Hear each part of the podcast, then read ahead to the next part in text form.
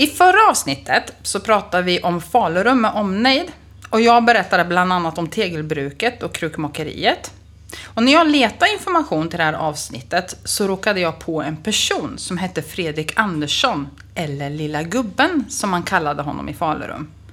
På 50-talet, men förmodligen tidigare, så höll Fredrik, eller Lilla Gubben, nämligen till i tegelbruket om nätterna. Lilla gubben, eller Lilla Frigge som han också kallades, sågs inte bara i Falurum utan även i Åtvidaberg, Linköping, Västervik och på andra håll i Östergötland och Sverige. Platser dit han kunde ta sig med tåg. Fredrik han var nämligen luffare och skälet till att han var i tegelbruket om nätterna var att han, liksom andra luffare, sov vid de varma ugnarna. Så, varför kallades han för Lilla Gubben eller Lille Frigge? Jo, Fredrik var nämligen kort, cirka en meter hög. De som en gång hade sett honom glömde honom inte. Han hade långt grått skägg och långt grått hår. Han hade slitna kläder och om ena axeln eller halsen hade han en ring där det hängde vispar som han tillverkat och sålde. Så kallad luffarslöjd. Levde man som luffare så gällde det ju nämligen att bedriva viss affärsverksamhet. Var man sysslolös så kunde man åka fast för lösdriveri och faktiskt dömas till tvångsarbete. Fredrik hade, som barn eller vuxen, blivit påkörd av ett tåg och hans ben, hans båda ben hade kapats av i knäna. Enligt vissa så hade Fredrik berättat att han hade blivit nedknuffad från perrongen på orten där han kom ifrån, Verkebäck. Andra menar att tågolyckan inträffade i Landskrona och att han bara var åtta år gammal när det hände. I Vena så lär han ha kallats Getogubben eftersom folk trodde att han hade varit med i Getolyckan, alltså en tågolycka som ägde rum där. På sitt högra, något längre ben hade han en rund sko, som typ en klump med snörning och på den andra en cirka 30 cm lång läderhylsa. Hylsan hölls på plats med en rem som var fäst vid hans bälte. Och med en eller två käppar som stöd så kunde han ta sig fram hjälpligt. Och till följd av den här olyckan, tågolyckan, så lär han ha haft ett frikort på järnvägen så att han kunde åka gratis var han ville, åtminstone i Östergötland. Många som jag har pratat med vittnar om att de som barn var rädda för Fredrik. Dels för hans utseende och dels för att han var smutsig och ibland onykter. Men kanske framförallt för att han var argsint och svor åt folk. Det kanske inte var så konstigt i och för sig. Dels hade han det besvärligt och dels så blev han inte alltid så väl behandlad. Folk hade svårt att lämna honom i fred. Framförallt barn tyckte att det var roligt att retas och han hade ju svårt att komma ikapp om de fick för sig att knycka några av hans saker. En annan sak som skrämde med Fredrik var att han lär ha haft en glasburk där han förvarade en snok. Och ibland så lyfte han på locket och kelade lite med snoken. Jag tror att vi som människor tenderar att fascineras av avvikelser, avvikande personer. Det berättelser som till exempel Fredriks snok i burken och hans yttre lever kvar för att kanske ytterligare befästa hans avvikelse. En fundering är om det krävs att det är en historisk person för att vi ska känna fascination och kanske till och med kärlek medan vi mer skäms eller känner oss hotade och oroliga inför avvikande människor i nuet. Det finns en annan person som än mer än Fredrik väcker känslor och som en del kanske till och med trollbinds av. Men innan vi pratar mer om den här personen så vill jag välkomna er alla till den lokalhistoriska podden Åtvidaberg i backspegeln. Jag heter Camilla. Och jag heter Roy. Och det här, Camilla, det är avsnitt 24. Ja. ja fantastiskt. Mm. Ja. Eh, och som sagt, då, vi ska ju prata ytterligare om en av de här människan som då inte passade in i den gängse normen. Eh, och som blivit mycket omskriven för det här i, i efterhand. Eh, och jag tänker, ju, ju, mer vi har pratat om den här personen, du och jag, eh, och läst det som finns att läsa kring det här. Eh, ju mer har vi ju diskuterat det här med historiebruk. Mm. Alltså hur vi använder oss, vi och andra använder oss utav, utav historia i olika sammanhang och hur, hur en berättelse eh, om ett levnadsöde kan växa fram och bli, bli allmängiltigt på något sätt. Mm. Ehm, och sånt här kan ju verkligen intressera mig eh, faktiskt. eh, så. Men nu tänker vi oss Camilla att du är torparhustru i Gärsrums socken. Och du och din, ma- äh, din man Mats mm, har blivit av med er mest värdefulla ägodel.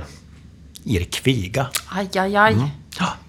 Den har betat på skogen och nu är den försvunnen och ni kan inte hitta den någonstans. Och ni har verkligen letat överallt. Ni vet, inte, ni, vet, ni vet inte vad ni ska ta er till och desperat så griper ni efter sista halmstrået. Och ni måste alltså vända er till en person som, som sägs inte kan se det andra kan. En person som kan se in i det fördolda. Sa du inte tvärtom nu? Som, som kan se det andra inte kan se? Som ser det andra inte kan se. Som ser sånt som inte andra kan. Just det. Ja, Annars så tycker jag inte vi vänder oss till henne, men okej. Ja, ja. Mm. Mm. Eh, och du beger dig till personens stuga. Mm.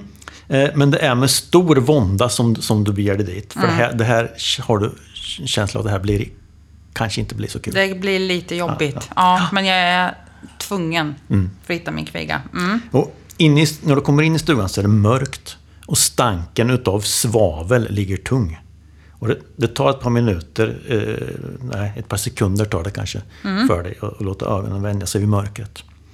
Och då ser du henne. Traskan.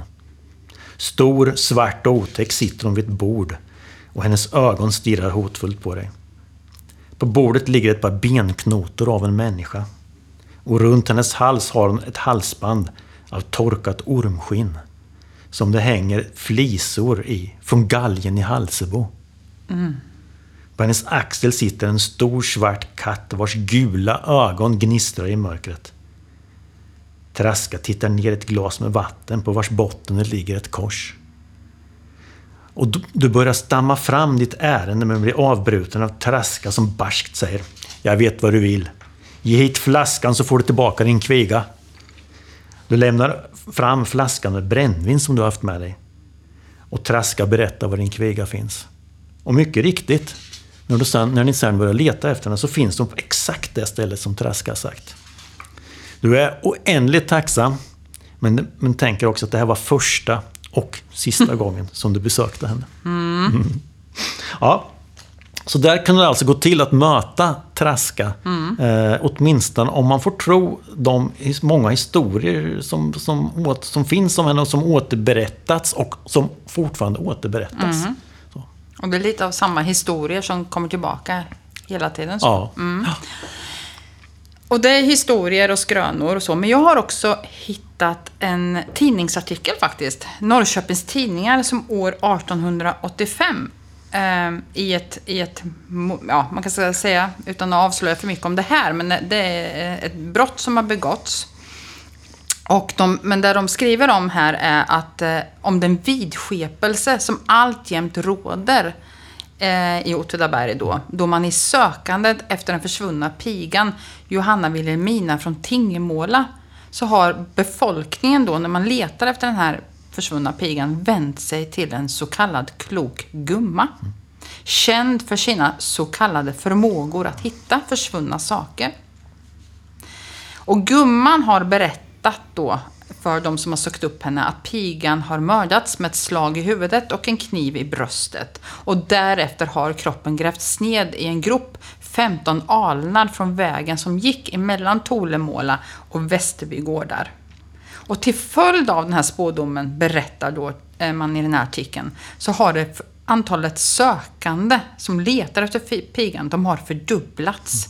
Ett hundratal människor har sett söka i det utpekade området och det är ju ungefär- då en halv mil.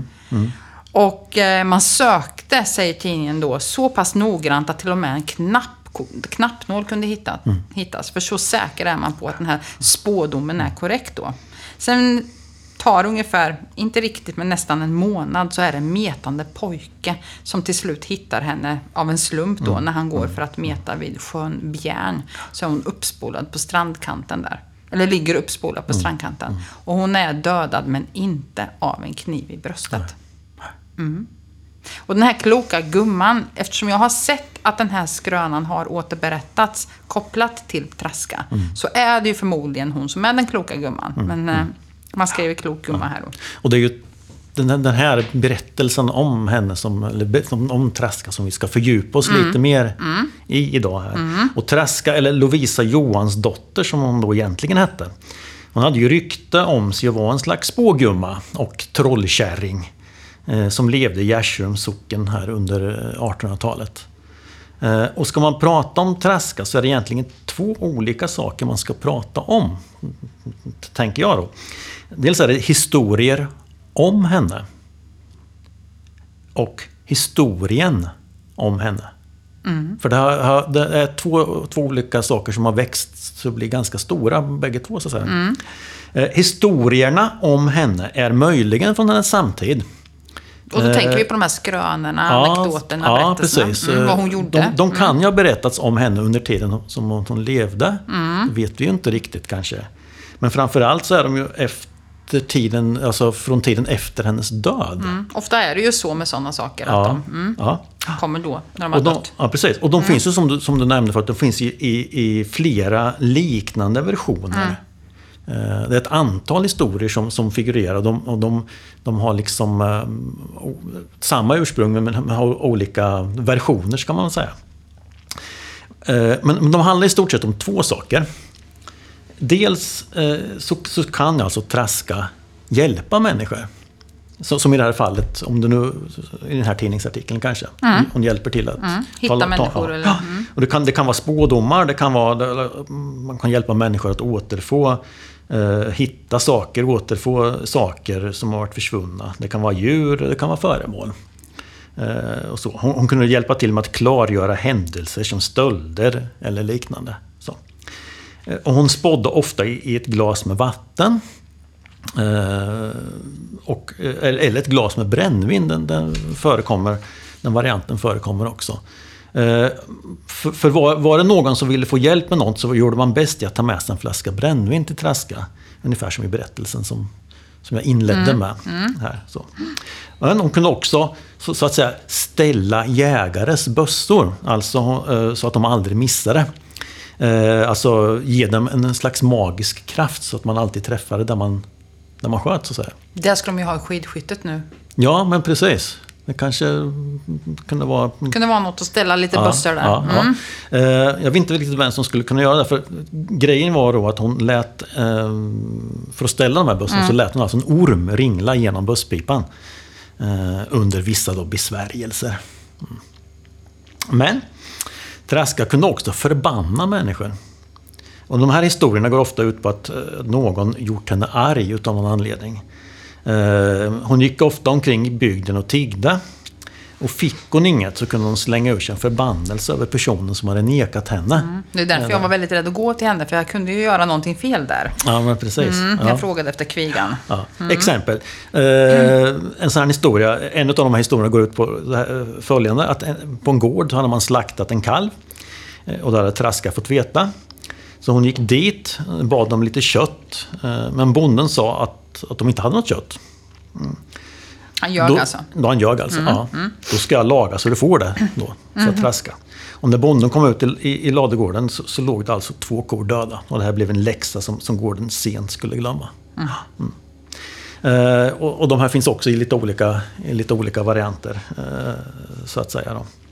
Eh, men, under senare, och det här är egentligen då 18-1900-tals historier kan man väl säga. Alltså. Men under, under de senare åren så har olika personer intresserat sig för, också för personen Lovisa Johansdotter och för hon, så att säga, hur, hur hon har blivit Traska, trollkärringen. Hur hon blev traskad då. Ja, precis. Ja.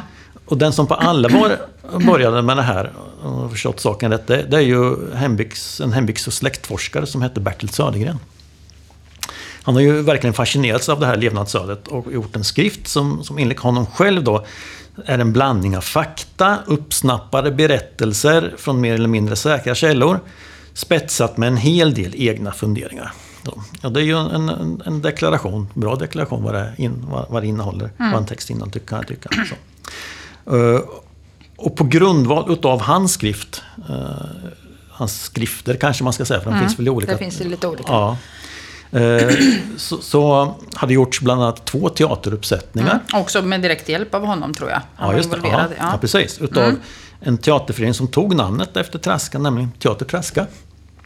Eh, en författare som heter Kristina Grafström eh, har skrivit en bok där hon baserar sin framställan på, på, på Bertil Söder, Södergrens texter, så att säga. Och väver en, en egen berättelse kring det hela.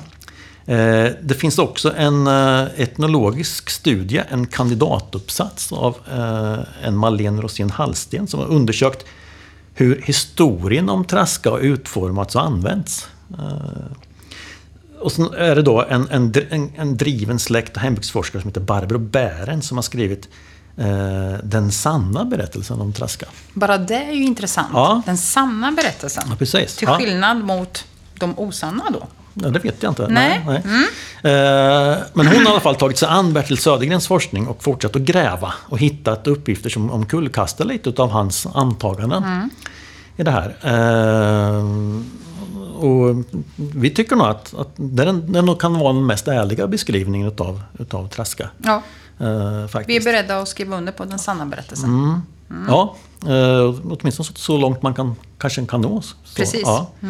Eh, Men vem var då Lovisa Johansdotter, eh, Camilla? Enligt, enligt de källor vi har till vårt förfogande. Ja, men dem. precis. Ja. Vi har ju läst alla de här då naturligtvis flera Mm. gånger om. Eh, och det finns ju, som du har pekat på, fakta. Mm. Det finns skrönor. Och eh, det finns fiktiva delar. Mm. Och vi i den här, när vi berättar om Lovisa Johansdotter, så kommer vi också titta lite närmare på det. Och vi kommer problematisera och diskutera Mm. några delar i det här då. Men Lovisa Johansdotter, eh, det är väl oomtvistligt att hon föddes i Könsrum, Gärsrums socken, den 27 augusti år 1830. Mm. Och hon var oäkta dotter till den 30-åriga pigan Anna-Greta Andersdotter. Och vi kan stanna redan där, för där stöter vi på lite olika saker här. För Bertil Södergren, Kristina Gravström och teateruppsättningarna så är det så att det är inte bara Lovisa i sig som är intressant, utan även Lovisas mor, den här Anna-Greta då. Hon blir också föremål för ett stort intresse. Man måste börja, tycker de, berättelsen om... När man ska berätta om Lovisa så måste man börja med moden för att förstå det som senare händer. Och Bertil Södergren då, han säger plötsligt så fanns hon där, alltså hon Anna-Greta, i Gärsrums socken. Hon var ju inte född där, utan plötsligt finns hon där. Och ingen vet varifrån hon kom, vad hon heter eller hur gammal hon är. Kanske döljer hon något. Och det är ju Bertil, som du sa också, som ligger till grund för de andras berättelser. Och han inleder ju på så sätt också trenden med att identifiera Lovisas mor som mystisk. Och varför ser det ut så här? Varför blir det så då, att, att eh, han, han inte vet? Jo, det är ju trassel i kyrkböckerna med lite konstiga och felaktiga uppgifter som föranleder den här förvirringen. Eh, och Bertils teori och bestämda uppfattning är att modern då är utan så kallat flyttningsbetyg. Och det, ett flyttningsbetyg är ju ett slags, som fanns på den här tiden, ett nationellt pass. Ja, ett inrikespass. Ett inrikespass Ja, för ja. att resa mellan de olika socknarna. Ja. För annars kunde man, precis som i fallet då som jag pratade om luffaren Fredrik här, man kunde ju bli anklagad för lösdriveri Ja, annars. just att det. man får Ja. omkring här ja, helt precis. enkelt. Man gick till prästen, man fick ett eh, inrikespass där man talade om vart man skulle. Mm. Eh, Och så fick man liksom inte kanske sväva ut för långt ifrån det resmålet. Nej, precis. Och hon saknar då, tror han, ett sådant. Mm. Ja. Eh, och vi ska väl för första bara säga att det här med konstiga och felaktiga uppgifter i kyrkböckerna, där råkar vi ju på lite då och lite nu. Mm, ja, precis. Eh, Prästen hade ju, prästerna kan göra mycket fel och de, och de hade inte alltid koll på allt som hände. Nej, och, och de personerna som fanns i deras församling heller. Fullt Under upp. mina intervjuer kom jag på Mm. nu att jag vet att någon sa ja, det kommer att stå i kyrkböckerna att jag är född det där året. Det är jag inte. Eh, Mm. Prästen fyllde i fel år för han var inte nykter när han fyllde i den uppgiften. Det kan finnas en mängd anledningar till att prästerna gjorde fel. Och det kanske inte var den vanligaste, de var onyktra, men det, det hände att det blev fel. Ja. Och, men Bertils bestämda uppfattning är ju då att hon är utan flyttningsbetyg. Och det är väl ett antagande så gott som något. Eh, Eh, Men att hon sen stjäl ett betyg från en annan person. För att kunna komma in i Ascherum då, för annars var det ju svårt. Eh, Och på så sätt tror han att hon tar över en annan kvinnas identitet. Så vem Lovisas mor egentligen var, menar han, det är oklart. Det vet man inte. Och identiteten som hon, den här kvinnan, som man han då inte har namn på, eh, identiteten hon tar över är en gift kvinnas identitet. Hon heter Anna-Greta, Andersdotter eller Larsdotter. Det förekommer då Ja. återigen lite olika efternamn här. Och mannen som hon då är gift med är Jakob Sjöblom och han är gardist. Och det står också i det här flyttningsbetyget, förutom det här vad hon heter och vem hon är gift med, att hon har brutit mot det sjätte budet som är du ska icke begå äktenskapsbrott. Så hon har fött ett utomäktenskapligt barn som har dött. Det är en liten trist identitet att ta över, men det, kommer man över ett flyttbetyg så gör man. Ja. Och när hon sen då själv föder Lovisa utom äktenskapet så står det följaktligen i kyrkböckerna att hon har brutit mot sjätte budet två gånger. Ja. Så det är den här identiteten hon får när hon kommer till Gärserum. Och det är ju det här tror jag, mystiken kring hennes person som gör henne intressant och som gör att man att man liksom, att de här, eh, när man, när man ska beskriva Lovisa Johanssons liv, att man börjar alltid med mamman. Eh, då. Eh, men, men om man ska titta på det som Barbro Bärens har skrivit så menar hon ju på att hon har ju varken, eh, hon har ju inte knyckt eh, sin, sin eh, identitet. Utan det he- hela rör sig helt enkelt om felskrivningar och förväxlingar i, i Mm. Och hon kan föra det här lite mer i bevis Ja, också. Mm. ja. precis. Ja. Och, hon, hon, och det hon kommer fram till det är att Anna-Greta föddes i Söderköping 1793. Mm. Och, och, men, men att hon blir moderlös tidigt. Eh, och fadern då som hette Anders Salomonsson. Eh, han och hennes fyra år äldre syster hamnar 1799, alltså sex år senare, i Berg utanför Åtvidaberg. Där gifter sig fadern med Rusthålla-dottern Katarina Israels dotter. Eh, Men efter bara några år så dör eh, både fadern och modern. Och Anna-Greta blir då vid 15 års ålder föräldralös. Hon flyttar runt och tjänar som piga och försöker eh, tjäna sitt uppehälle. Eh, eh, Så, men gifter sig så småningom med den här Jakob Sjöblom. Eh, Som, som, som då så småningom, de verkar inte bo ihop och han försvinner väldigt snabbt ur hennes liv. eh, Utav någon anledning. Eh, Till det militära eller Ja, till sjön eller ja något just det. sånt. Ja. Mm. Han flyttar så småningom till Småland och eh, tar identiteten som änkoman. Och så gifter de sig där. Det är ju ett Ett tvågifte alltså? Ja. Det är Eller vad heter det? Ja, och det, väl, och det ser man ju att man har ju liksom inte koll på... Nej, man har inte så, koll. Man har inte koll som idag Nej. som man har på, på, på, på befolkningen helt Nej, enkelt. man kan slinka undan Ja, lite ja. helt enkelt. Mm. Så Anna-Greta hon, går, hon flyttar alltså från arbete till arbete eh, och hamnar så småningom då i Gärserum där de, där de då föder en dotter som, som, som, som då får namnet Lovisa. Och innan dess föder hon också ett barn som Ja, dör. ja, Mm. just Så Anna-Greta hette Anna-Greta på riktigt. Det är hennes identitet så att säga. Mm. Ja. Och Lovisa är då född 1830.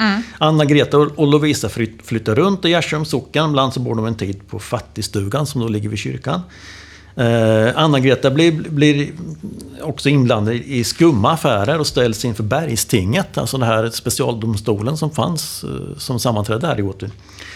Eh, hon blir dömd till fyra dagars fängelse vid Kalmar kronahäkte. Eh, Vet du vad det var för skumma affärer? Ja, hon hade alltså eh, en, en, man, det var en man som hade stulit en björknäver och sålt i bygden i Och hon hade då hjälpt till med, bland annat har hon hjälpt till att driva in, att driva in pengarna som inte han hade fått eh, för det här tydligen. Oj. Ja. En kvinna med skinn på näsan kanske? Verkar det vara så. Ja. Indriverska. Ja. Och hjälpt till överhuvudtaget antagligen med, med, i den här, i den här verksamheten. Så. Nu gjorde jag ju Eh. en liten värdering här att man hade skinn på näsan. Ska jag ju egentligen inte göra nu. ja. Ja. Eh, Men hon döms alltså till, till eh, fyra dagars fängelse vid Kalmar kronahäkte. Och, och fram då till, till, till Anna-Gretas död 1846 så flackar de, de här, han, hon och hennes dotter, de flack, flackar omkring i Gärsrum i socknen där, en här, en där. Skrivs eh, även på socknen. Eh, alltså att de var utfattiga och att socknen skulle stå för deras understöd. Mm. Eh, Så, så de, de, de lever alltså i utkanten av samhället kan man väl säga. Eh, Mm. Fast att de flackar omkring Ett utanförskap skulle vi säga idag kanske. Ja, men att de flackar omkring och bor en här och en där, det är väl ändå någonting vi också ser hända? Jo, men precis. Många drängar, många pigor eh, drömde om att få en bättre tjänst. Eh, och så i oktober varje månad så, så flyttade de vidare till nästa ställe där de då sökte anställning. Så Jag har eh, uppfattat att det här just oktober månad är fönstret för Mm. att man eh, påbörjar en ny tjänst, så att säga. Det är många Ja. som flyttar Ja, då. det. Ja. Så det var inte heller helt ovanligt att, att, att det var så. Nej. Och som du säger så dör ju Anna-Greta 1846 i Vattusot. Hon beskrivs i Död och begravningsboken, tror jag att det måste vara då, som fattig och usel. Och det här usel är ju också någonting man kan gå igång på om man tycker att de, man har identifierat dem som några som har ett utanförskap och så tillskriver man henne att hon är en usel person kan man tro då. Ja. Men det är inte så man menar, har jag förstått. Nej, det behöver inte vara Det så. behöver inte vara, utan, nej. Utan, utan grundbetydelsen utav, utav usel är egentligen olycklig. Mm. Så hon kan ju alltså, man kan säga att hon, lever, hon är fattig och lever ett olyckligt liv. Mm. Så, så, så kan man tolka det. Så, så de uttryck, betydelsen utav, ut, utav vissa uttryck som vi, som vi tänker oss idag behöver, Ja. inte, behöver inte vara så Nej, att de betyder samma sak historiskt sett. Nej, Nej. precis. Och när mamman dör då så är ju Lovisa 16 år och hon bor kvar i Bovik ytterligare ett år innan hon ja, flyttar. Och 1848 så tar hon, och nu vet jag inte om det är hennes första, men hon tar en nattvard och det är någonting som registreras liksom i kyrkböckerna noggrant. Sen efter det så försvinner hon för Bertil. Alltså han hittar henne inte i kyrkböckerna. Och han talar, och det återigen då så vill jag referera till att det händer ju väldigt ofta att man tappar liksom och inte hittar folk så. Eh, och han, ta, han talar om de nio tomma åren. Det finns inga fakta att hämta. Först 1857 hittar han henne igen för att då flyttar hon in i Gärsrum. Hon kommer alltså utifrån igen och flyttar in. Och då skrivs hon under rubriken På socknen skrivna då, som, du, som du sa. Och hon omskrivs som oäkta och fattig. Och han menar Bertil att i sin ålder, hon är ju nu 27 år gammal om jag inte räknar helt fel, så borde hon ju, tycker han, lätt kunna få ett jobb som piga. Och han kan inte se annat än att, att det faktum att hon inte får det, att hon är fattig och bor, på- äh, skriven på socknen, är ett resultat av att hon inte var accepterad, att hon var mobbad med stämpeln som oäkta. Mm. Och förmodligen, gissar han då, hade hon även utseendet emot sig. Och skälet till att de här nio tomma åren då, när hon försvinner, blir så särskilt intressanta, är ju också att när hon kommer tillbaka till Gärsrum, det är ju då hon börjar kallas, tror jag, för Traska. Ja. Ja. Så att någonting, tänker han, har ju hänt. Ja, ja Mm. precis. Eh, Och, och hur mycket hon var ute och vandrade är ju svårt att säga. Alltså, läser man Barbro Bärents här så har hon ju ifrågasatt uppgiften om att, att Lovisa Johansdotter skulle ha varit borta från, helt från socknen i, i flera år. Hon har nämligen sett att hon har regelbundet eh, tagit nattvard i Gärsrums kyrka. Mellan åren 1851 och 1857. Som, som mest har hon tagit nattvarden sju gånger 1854. Men, och då funderar man ju på varför hittar Bertil inte de här uppgifterna? Nej, jag förstår inte heller riktigt. Nej. Nej. Eh, men under de här åren har hon också blivit tagen hon har varit ute och vandrat, för hon har blivit tag- tagen för obehörigt kringstrykande vid ett par tillfällen. I Norrköping 1851 och i Linköping året efter. Eh, och båda gångerna har hon blivit sänd till Kalmar länsfängelse. Och det här obehörigt kringstrykande, är det samma sak som lösdriveri? Alltså har hon Ja. saknat? Hon, Ja. hon, hon, så- hon åkte helt enkelt utan flytt... Alltså Ja. sådana inrikespass som vi Ja, pratade om. Ja. Så det ja, Men, okej. men, men det där är inte heller ovanligt. Jag tänker samtida med Lovisa Johansdotter finns det ytterligare två kvinnor från Gärsums socken. Som har blivit tagna för obehörigt kringstrykande i Norrköping. En, Mhm. en Britta Kristina Häggblom och en Anna Fredrika Wallgren. Så hon, hon var inte, mm, inte unik på det sättet. Nej. Eh, Och det var säkert, finns säkert andra. Alltså det var väl ett sätt för människor att hitta sig någon utkomst eller någonting. Eh, Var det särskilt svårt att få flyttbetyg? Är det liksom det som föranleder att de inte, eller? Det kanske du inte vet? Ja, man måste ju, ha, man måste visa på att man har ett... eh, man, man bor någonstans och man har ett rekorderligt leverne och så här förstås. Mm. Ja, Tänker jag. Och precis. Att man har, att man, och att man har en fast tjänst att komma till. Ja. Förstås.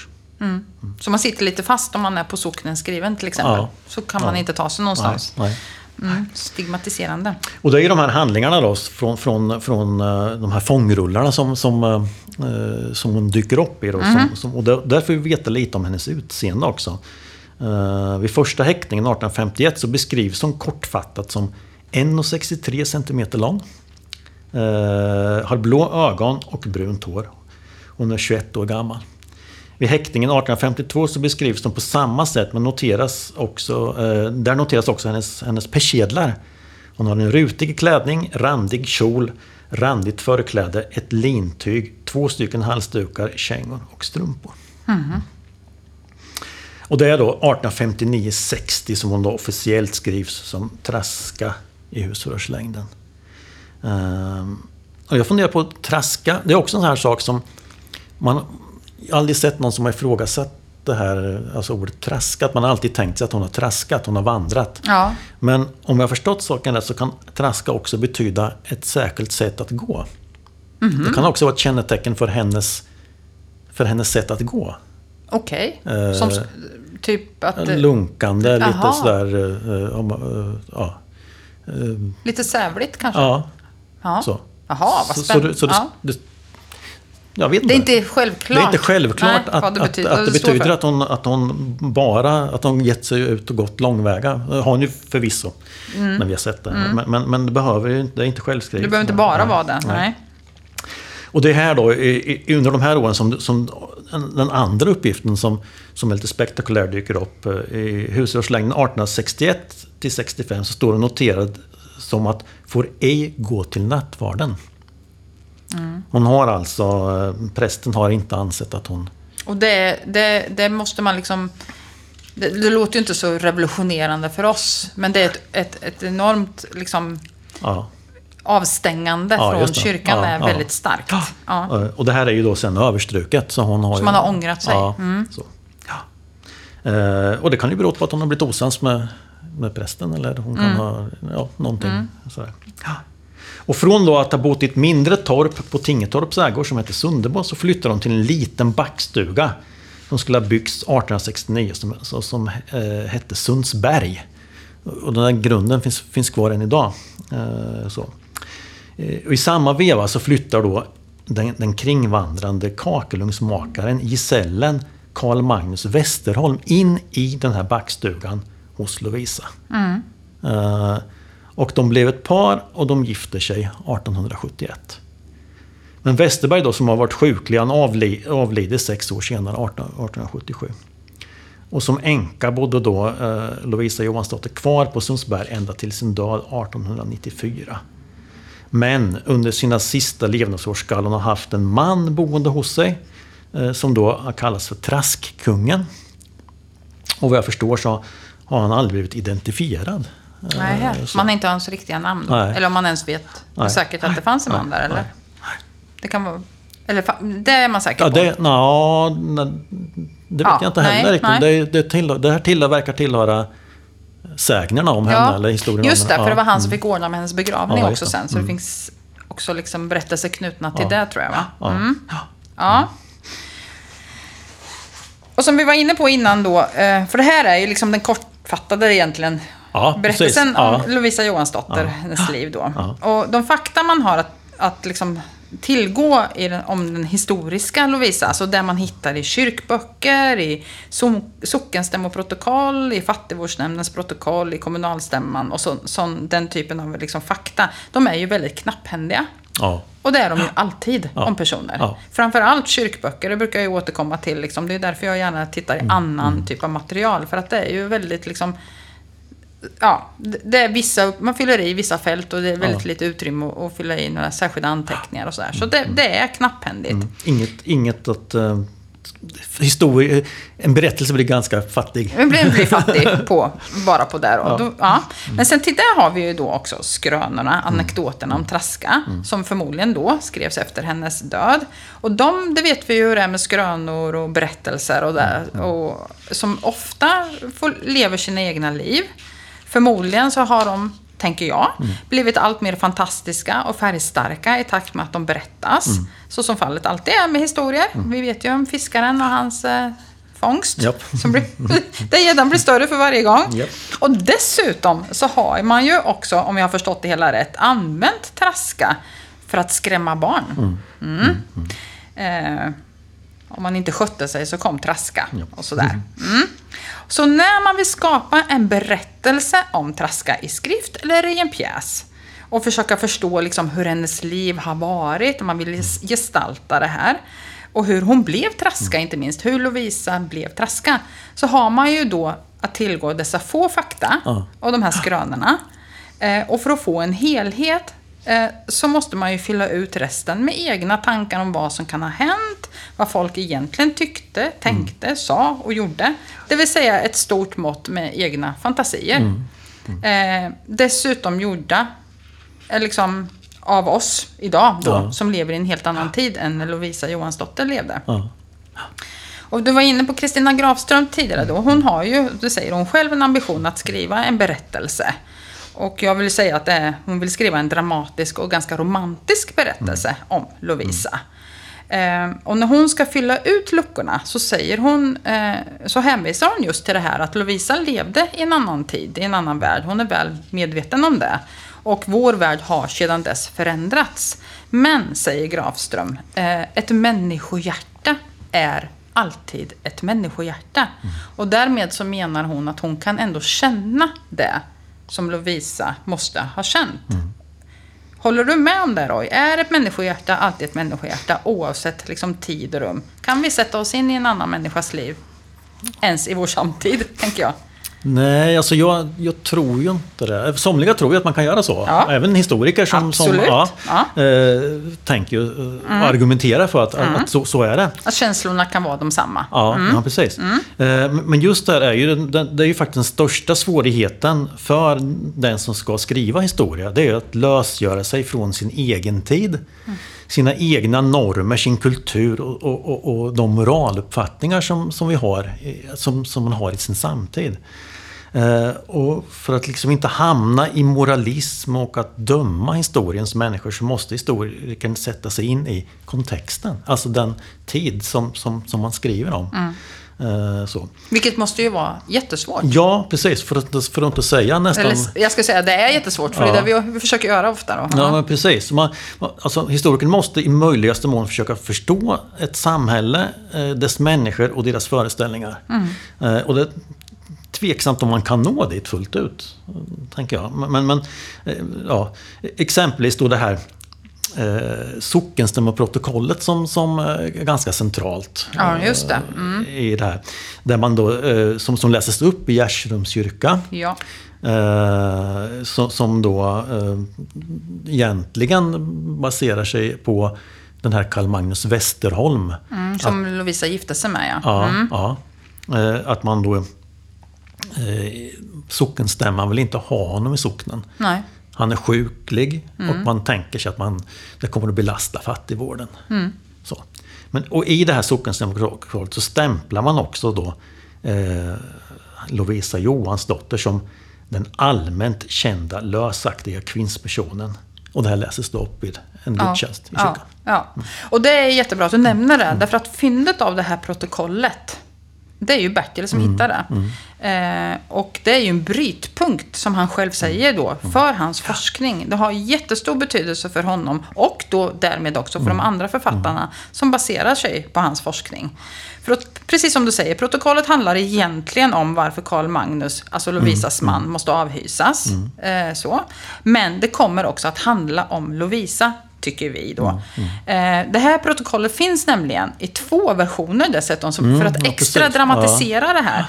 Där, där, han då hittar den första versionen, där hon, där, där hon då omnämns Eftersom man, när man nämner ju henne därför att hon är då gift med Karl Magnus, eh, så är det rimligt att hon nämns. Då omnämns hon som kvinnspersonen Lovisa Johansdotter. Och sen finns det ett annat protokoll daterat senare då, där det här finns den här omskrivningen som du nämner då. Den allmänt kända lösaktiga kvinnspersonen Lovisa Johansdotter. Och lo- protokollet läses upp i kyrkan och Bertil då, han säger att förmodligen så var ju både Karl Magnus och Lovisa närvarande. Tänk då att sitta där i kyrkan och höra dem omnämna henne på det här sättet. Och det är vändpunkten också, säger han. Eller som jag sa, brytpunkten, vändpunkten i hans forsk- forskningsarbete. Hans syn på Traska här förändras och får ett nytt innehåll. Han har nämligen, tycker han, funnit bevis för att hon har blivit förföljd och trakasserad. Ja. Men eh, prästen och sockenstammen, framförallt prästen i, i en församling. Han, han, var ju, han var ju moralens väktare i församlingen. Det var liksom hans jobb, skulle man kunna säga. Så det kanske inte var just någon hetsjakt på just, på just Lovisa Johansdotter det var frågan om här. Utan, utan kanske på alla eh, som enligt kyrkan levde omoraliskt. Ehm, och I det här fallet så var det ju hon eftersom, eftersom då hon levde tillsammans ogift med en man. Som då antagligen ansågs som, som väldigt, eh, o, väldigt opassande. Eh, och sånt som man absolut inte ville ha i socknen. Tänker jag. Eh, Men, och i och med att det lästes upp, lästes upp i kyrkan så blev det ju ett slags skam, blev det skambelagt, ett slags skamstraff skulle man väl kunna säga. eh, För henne. Men- skamstraff var ju en del utav den tidens straff. Rättsväsen, ja precis. Dels hade Ja, man de ja. vanliga straffen, så att Ja. säga, juridiska eller vad vi ska kalla eh, Ja, som precis. statens Ja. straff. Mm. Jag tänker exempelvis på det här eh, som kallas för uppenbar kyrkoplikt. Ja. Som utdömdes för en, en rad olika brott, exempelvis stöld. Då fick man alltså eh, ställa sig i kyrkan inför församlingen. Man fick bekänna sina synder som man har gjort och församlingen skulle återuppta eh, den här brottslingen då i, i gemenskapen. Då. Så fick man stå där framme vid predikstolen och skämmas. Mm. Så, så det här var ju liksom, det, var, ja, det är inte säkert då att det var att just var hetsjakt på, på Lovisa Johansdotter. Utan, utan en sak som, som, som, som var tidens, eh, som var tidens Hon var inte den enda som blev omnämnd så här, men man använder också kanske henne som ex... Alltså, Ja. för att, Ja. mm, som du säger. Visa vart skåpet ska stå lite i de Ja, här men precis. ärendena. Ja. Mm. Ja, nej, men spännande så ju kring det. Och jag var Men in- med våra ja. mått mätt ska Ja. säga, är, det ju, är det ju väldigt förskräckligt. Ja, gud ja. Eh, Man tycker att det är fruktansvärt Ja. att det här läses upp. Och, ja. Jag var inne på det tidigare, de här nio åren som bildade ett tomrum där, där Bertil tappar, så att säga, Lovisa. Han hittar henne inte. Det är mellan 1848 och 57, alltså inte helt direkt efter hennes mord dör, utan det går några år där. Eh, Bertil han skriver då i sin text att under mitt forskningsarbete eh, så har jag skapat mig en bild av Lovisa. Med den bilden och fantasins hjälp eh, skulle en roman kunna skrivas om dessa nio år. To- han säger tomrummet skulle kunna fyllas, men jag avstår. Och när man läser det här så blir man lite så här, man förstår ju att han har ju massor att ge i det här, men han väljer att låta bli. Och han avstår kanske när det gäller just de nio åren, men i övrigt gör han ju inte det, utan han har ju en hel del funderingar. Till exempel så har vi ju det här krånglet i kyrkoböckerna om eh, Anna-Gretas ursprung, där han då, som vi sa, gör ett, ett ganska dramatiskt antagande att hon knycker själv flyttningsbeviset. Eh, han, han, till, han tillger ju henne en egenskap där också, nämligen att vara en person som stjäl. Ja. Det finns väl inget belägg för det, så vitt jag vet, Nej. att hon hade stulit det här. Eh, en annan sak eh, som också händer och som, som Bertil också diskuterar då och som är baserat på en, en, en, en felskrivning också förmodligen som han tror då i kyrkböckerna men som han ändå tror att det här är en, en felskrivning som ändå görs... Mm, ja, jag vet inte hur jag ska säga riktigt men Anna-Greta hon heter ju, jag förklarar istället, men Anna-Greta hon, hon har ju båda efternamn Andersdotter och Larsdotter. Fungerar, eh, båda två förekommer och det är liksom lite eh, tokigheter här och, och felskrivningar.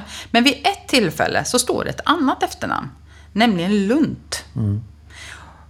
Och det här menar han att det är nog inte en slump. Eh, det är liksom... Eh, ändå liksom, man kanske inte tänkte sig för, men skrev ändå ett, ett riktigt på något sätt. Eh, det fanns också, säger han, ett tattarsläkte nämligen som hette Lund. Kan det faktum vara nu, funderar han på, att det var att Anna-Greta faktiskt var av tattarsläkte? Och tattare, det kanske vi måste förklara. Alltså Ja. resandesällskap, Det är ju en äldre benämning på romer. en lite ned, ned, nedvär, äldre Ned- nedvärderande ja, eh, benämning kan man väl Ja, säga. det kan man säga. Så som, som det figurerat. Ja, och personer som var resande då, som inte hade någon fast plats att bo på. Ehm, kan det faktum att de var faktiskt tattare förklara Anna-Gretas och Lovisas påtvingande utanförskap? Han försöker hitta skäl till att de stod utanför. Och här tycker han då att han hittar ett, ett sånt argument till. Det var nog så att Lund eh, kanske var Anna-Gretas korrekta efternamn. Ehm, då är det så att Barbro som du då har hänvisat till flera gånger, hon har ju kommit fram till att det står inte Lund överhuvudtaget i kyrkboken. Utan prästen har istället gjort en väldigt slarvig anteckning av Larsdotter och, och förkortat det som man också ofta gjorde, nämligen Lars Dr, där man inte skriver ut dotter. Så hon tror att det här är- det är inte alls korrekt.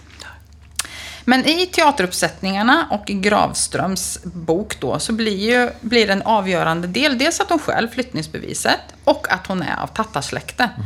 Eh, man har ju till och med med en mormor, Katja Lund, som spelar, som spelar Lovisas mormor i teatern. Och Katja är dessutom då en spåkvinna, så det är härifrån eh, Lovisa får sin magiska, sin magiska förmåga. Så. Och tillbaka till Grafström då, så under de här nio tomma åren eh, så låter hon ju då Lovisa upptäcka sina magiska förmågor. Lovisa följer med tattare själv då, utan att veta kanske att hon har tattarursprung, eh, enligt Bertil då. Och hon utbildas av en spåkvinna och lär sig en massa tricks. Och Grafström låter henne ta till alkoholen för första gången också under, de här, under den här tiden. Eftersom det, som hon skriver, i Lovisa råder en inre kamp om makten. Kamp, makten mellan det goda och det onda. Och när Karl Magnus dör, senare då, efter de här, den här åren då, så inträder en, en svart tid för Lovisa och hon dränker sin sorg i alkohol. Så det här är ett försök att förklara det här senare, att, att man var tvungen att komma med brännvin till Lovisa, att hon ville ha Ja. alkohol som betalning för när hon hjälpte folk att söka efter saker. Och hon menar Grafström då, hon framställer det här som att Lovisa har försökt att tro på det goda och försökt att anpassa sig efter det normala. Men ingen har ju någonsin accepterat henne. Så hon bestämmer sig aktivt för att sälla sig till djävulen och ondskan. Och hon bestämmer sig för att leva på sin inre kraft och magi. Och hon utpekas ju nu då som trollkärringen Traska. Och hon, hon har utpekats menar jag som trollkärringen Traska och nu bestämmer hon sig själv för att hon ska spela med. Och inte nog med att hon ska spela med, hon finner nöje i den här tilldelade rollen. Och hon får styrka och respekt som hon aldrig har haft som Lovisa. Och hon gillar att driva med folk och, och för att behålla ryktet om sin hemska person och sin magiska kraft så gör hon allt för att väcka uppmärksamhet. Hon omger sig med ormar och skelettdelar på bordet. Och hon hämtar kyrkogårdsmull på natten. Och hon har den här svarta ruskiga katten med gula ögon på axeln. Och det är ju som sagt då det är, och det är ett faktum också att under de här nio åren så, så sker ju någon slags förvandling från Lovisa till Traska. Lovisa försvinner och Traska uppstår. Som om det är två helt olika personer. Ja. Och då är ju en fråga också, som man känner när man tittar på det här. Får man, får man fylla ut luckor hur man vill? Ja, det kan man ju fundera på. Eh, det beror ju också på vilket syfte man har med det man skriver. Eh, ska man skriva historia så kanske man bör vara lite försiktig i det här. Men men ska man skriva en berättelse, en, något skönlitterärt eller en, eller en, eller en eh, teateruppsättning eller någonting, eh, filmmanus eller vad man nu vill göra så, så är det ju näst, då är det nästan nödvändigt kanske. Eller, Annars går det ju inte, får man nej, inte ihop det. Nej, precis. Eh, Så det beror ju helt och hållet på... Och dessutom kan man väl säga också att de baserar sig ju på en en, de har bett någon att göra en efterforskning. Mm. Att, göra en, en, Ja. att forska kring det här för att ha något att luta sig tillbaka mot. Sen råkar det Mm. ju vara så att Bertil i sin tur gör antaganden som man snurrar upp sig Mm. kring. Liksom, och får till en väldigt dramatisk och, och till vissa delar romantisk berättelse. Mm. Ja, Mm. ja.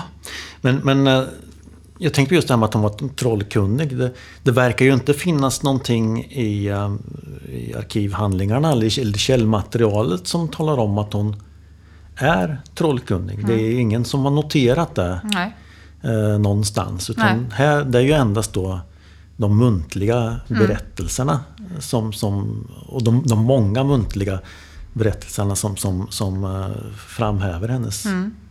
Så det finns, ganska egentligen, det finns ganska många delar där vi faktiskt inte vet. Nej, precis. Nej. Så det, inte ja. ens, ja. Men tror du att det skulle kunna ha stått i arkiv, några av de här arkivhandlingarna som skulle kunna bekräfta att de var troll? Alltså skulle man till exempel, tänker jag, kyrkboken, ja ibland hittar ju vi anteckningar där som handlar om, Eh, om, om, inte just att jag har aldrig sett någon skriva att de är trollkunniga, men det kan ju stå andra saker om Ja, dem. ja. Men jag tänker också i sockenstämmoprotokoll som är mer berättande, skulle det liksom ha kunnat, kunnat framgå där? Ja, det är ju inte helt omöjligt. Nej, men det gör det i alla fall inte. Nej, inte vad nej. vi känner till i alla fall. Nej, nej. Eh, däremot i den här tidningsartikeln som du tog upp Ja, från 1885. precis. Där hänvisar man ju då till en, En klok gumma. Mm. Klok gumma. Ja, och där är hon ju klok istället för... Ja, och vi Ja, vet ju eller- inte... nej, Nej, vi vet ju heller inte om det är hon. Nej. Men det är det ju förmodligen. Så att, eh, ja. absolut. Ja, mm. ja men klok gumma, de säger ju inte att de kan trolla. Nej, precis. Nej. Men det kanske har samma Det betydelse. kan ha samma betydelse, just det. Mm. Men jag tänker, om man backar tillbaka till den här, just, just den här Grafströms resonemang kring det här att hon tar på sig rollen som trollkärring. Och det är väl... Där skulle jag kunna tänka mig att hon har en poäng. Och, och, och, för för man, hon får ju... Lovisa Johansdotter får ju någon form av makt. Eh, på något sätt. Hon hjälp, människor kommer till henne. Eh, och hon, hon hjälper dem. Och, hon, och människor är lite rädda för henne. Eh, man är någonting. Eh, sådär. Eh, kan man inte vara bäst på någonting kan man vara någonting annat. Men man är någonting. Så det, det är väl många av oss som strävar efter det på något sätt. Ja, tänker att det blir... Ja, och nästan som en självuppfyllande profetia då också. Mm. Och, och också att man faktiskt till slut får ge efter för det här. Och som du säger, tillskrivs viss makt och respekt Ja, ja, ja, i den här rollen också. Ja, nej, men en absolut. respekt som hon kanske inte haft Nej, innan. innan. Nej.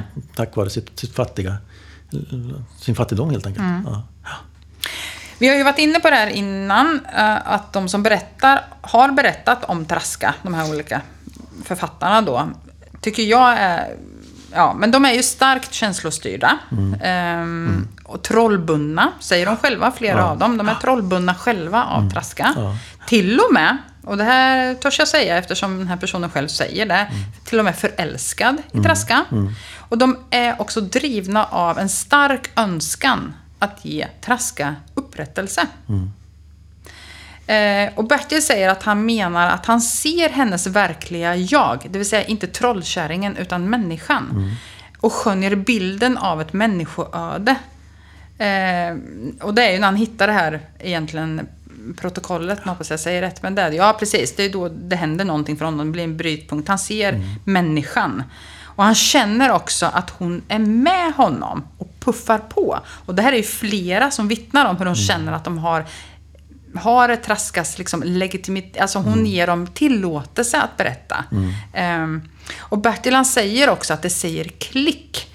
Eh, han har förälskat sig, menar han, i denna märkliga kvinna. Och han kallar henne för sin Traska. Och han uppmanar också andra att berätta om hennes, eller snarare då kanske hans historia om henne. Och också att man ska vara rädd om henne. Rädd om henne. Eh, och där ger han ju också sig själv, tycker jag, ett visst tolkningsföreträde och en legitimitet. Ja, det är ju egentligen hans... eh, Hans, eh, hans traska som sen, Ja. som sen eh, fortsätter att berättas Mm. om i nutid. Eh, alltså historien om. Mm. Inte, eller just det, historien om Traska är hans från första början. Från första början ja, är det ja, den, som andra liksom, Ja. Mm, fortsätter att berätta. Men visst, alltså, han, han ger henne ju upprättelse på så sätt att, att, hon, att han, hon är inte bara... För honom är hon inte bara trollkärringen Traska. Nej. Utan hon är människan Mm. Lovisa Johansdotter. Och det ska han väl ha all ära och Absolut. kan jag tycka. Ja. Ja, och det måste man ju också säga Teater Traska och deras pjäser som verkligen har satt, som, som har satt ljuset på också människan och, och trollkärringen Traska också för den delen. Och hela teaterföreningen. Jag tänker att du, du, hon har ju på något sätt kommit till liv Ja. via deras. Ja. Mm. Men är, ris eh, är risken att vi färgas... Alltså, är, jag tänker på just man har sådana här starka känslor som han, framförallt Bertil, har då. Man, man säger att man är trollbunden och man är förälskad och man drivs av en sån stark önskan att ge upprättelse. Eh, är, det- är risken att vi färgas lite för mycket av sådana känslor, tror du? ja, det tror jag. Ja. Ja, vi ser Det kanske det. var en retorisk fråga. vi ser det vi vill se. Ja. Och vi har svårt att kanske ta till oss... Eh, jag menar, om man- brinner för någonting har man ju svårt att ta till Som forskare kanske man har svårt att ta till sig andra argument. Mm. Eh, andra eh, källor som visar någonting annat än vad Mm. man själv tycker. Eller, eller det man själv inte tycker, men man själv har kommit Mm. fram till. Som det här faktum att hon inte då skulle vara tattarsläkt Mm. eller inte ha knyckt flyttningsbeviset. Ja, ja, eller Ja. Eller att man säger att man inte hittar någonting som styrker att hon eh, kunde trolla eller var trollkunnig. Mm. Men när gör man våld på en annan människas historia då? Ja, Var går men- gränsen? Det, det gör man alltså, Det är ju lite knepigt det där för Mm. att, för att finns det ingenting, alltså de här luckorna som vi pratar om. Det finns ju ingen historia att göra våld på egentligen eftersom det inte finns någonting om personen. eh, Sådär. Du menar man ljuger inte? På något? eh, Eller? Ja, nej, så kan man se det. Mm. Men man kan också se det som så eh, som, som, som jag, alltså jag fick fundera, funderingar i en utställning som vi gjorde för ett antal år sedan.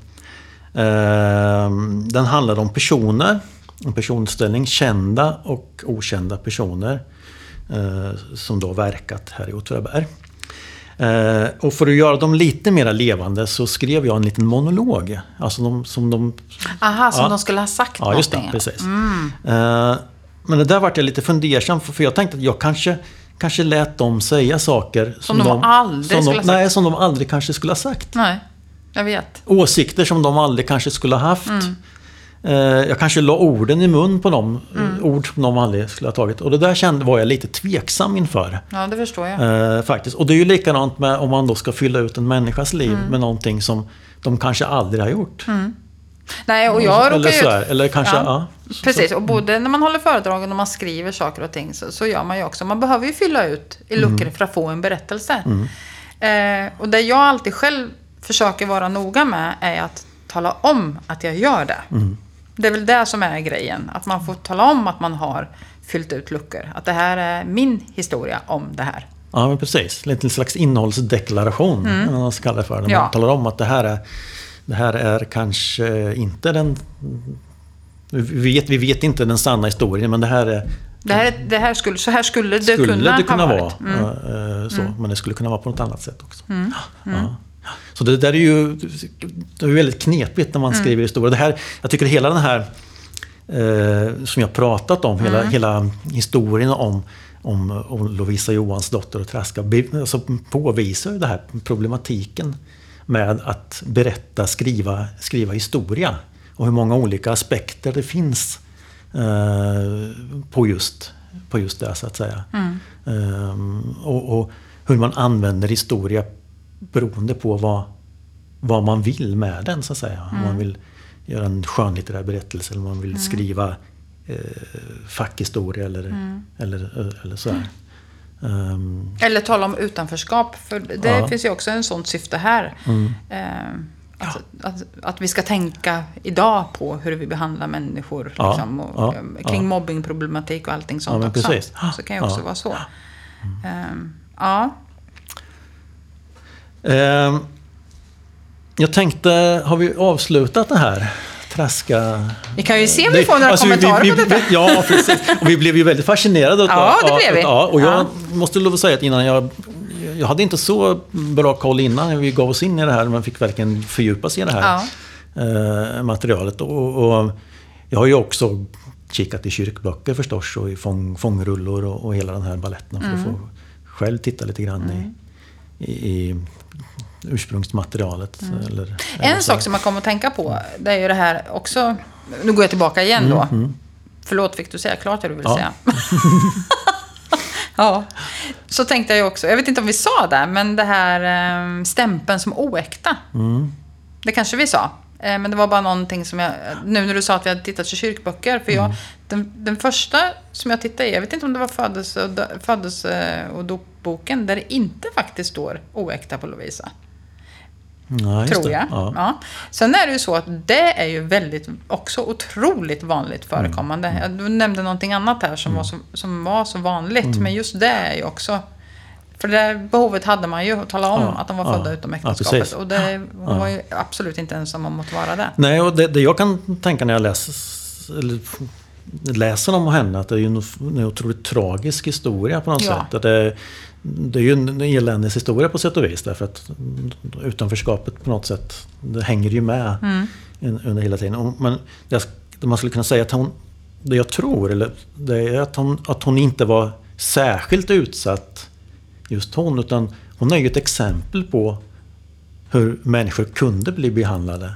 Hon var nog inte den enda, tänker jag. Utan, Nej. utan det fanns flera som, som var väldigt fattiga och levde i samhällets utkant och, och, och, och hade den här stämpeln på sig, så att säga. Eh, Så de, det känns som att församlingen kanske inte var särskilt ute efter just henne. Utan, Det var ingen häxjakt på bara henne.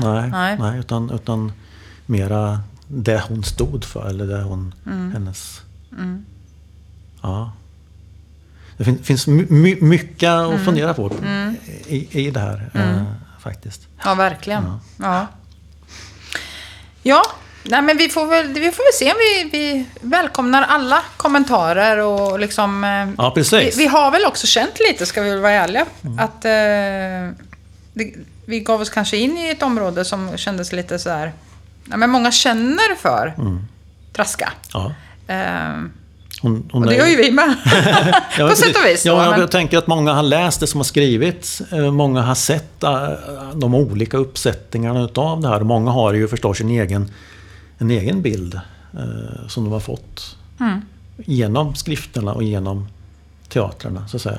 Eh, Men det här är ju på något sätt att ge en lite annorlunda bild utav det, forsk- det material som leder fram till Mm, ja, men precis. Problematisera det. Ja, Mm. ja, och det är inte helt...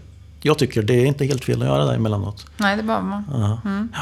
Och, vi, och framförallt för att vi också själva ställer oss den frågan när vi tittar på annat material Ja. och så. Mm. Så man borde ju också...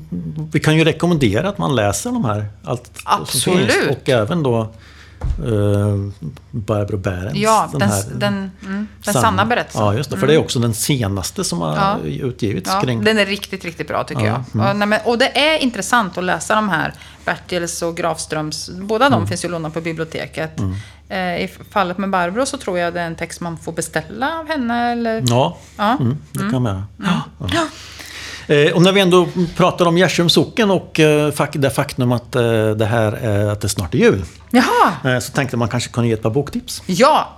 När vi är inne på böcker också. Mm. Ja, men precis. Ja. Ja. För, Barbro Behrens är en flitig författare och framförallt ihop med en annan kvinna som heter Lisbeth Pettersson. Och de har skrivit väldigt mycket om just Gärsrum som nu vi har berört här i, i, i två, två avsnitt. Ja. Eh, de har gett ut ett par böcker om, om, om, som, som, som handlar om Gärsrum, eh, byar i Gärsrum socken ska jag säga. Eh, en om Nannersbo. Eh, en om Stora Ved. Den heter Stora Ved, en by i skog och rota. Eh, en annan bok heter Från, Mossult, Från Måshult till Mossult. Eh, en annan bok de har gett ut är om Broddebo. Och så har Lisbeth Pettersson själv gett ut boken Oskar och, och Ottilia i Nannersbo. Så vill man fördjupa sig då i Gärserum, eh, åtminstone delar av Gärserum, kan jag säga, så är det, här bra litteratur att ta sig an, tänker jag. Ja. Vi har verkligen gjort Gärserum nu. Det Ja, känns jättebra. det, ja. Inte allt Nej, naturligtvis. nog Eller Gärserum och Falurum och ja, Ja, men ja. Det, mm, det har varit spännande. Ja, ja. Och eftersom det då är sa, snart jul här så ska jag ge två ytterligare boktips. Ja, som då eh, du har varit inblandad igen tror jag lite grann och Brukskultur har varit inblandad i båda böckerna och hjälpt till med. Eh, bra julklappar. En bok som redan finns, nämligen Baronen utav Anders Jonsson. Som handlar om, om brukspatron baron Theodor Adelsvärd. Och eh, med mera, med mera. Ska jag säga. Den, den är en faktaspäckad bok. Eh, och en bok som kommer nu eh, i dagarna här. Nämligen, Tadadam! ja, eh, utav Vivek Adelsvärd. Ja. Eh, En bok som heter Villan, ett lyckligt hus. Som handlar just om Villan Kammarbo. Ja, ja. Och Vivek är ju så duktig på att skriva om hus också. Ja, Så. Mm. Och eh, det här, ja, men det, jag ser fram emot den. Eh, Anders bok om Baronen är jättebra.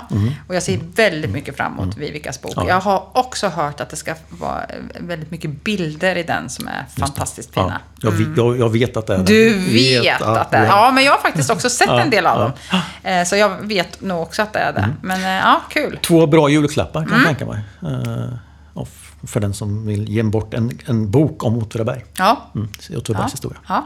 Och med tanke på jul så tycker jag att vi, eh, det här, vi, vi, vi spelar inte in någonting eh, före jul nu mer. Nej, utan det här är nej. vårt decemberavsnitt. Ja, just det. Ja. Ja, så... så- då säger vi God, God jul! jul!